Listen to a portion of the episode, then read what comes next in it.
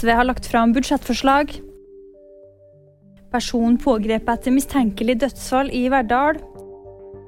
Og Johnny Depp anka dom. Fredag presenterte SV sitt alternative statsbudsjett før 2023. Det har kraftig omprioritering og langt kraftigere omfordeling. Sier leder Audun Lysbakken.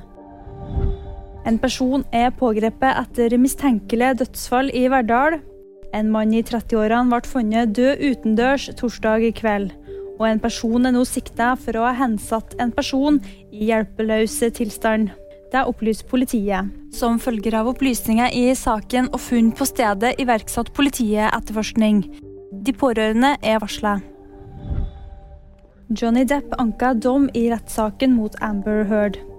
Depp leverte torsdag inn papirene til ankedomstolen i Virginia, der han i seks uker tidligere i år kjempet et bittert oppgjør mot ekskona Amber Heard.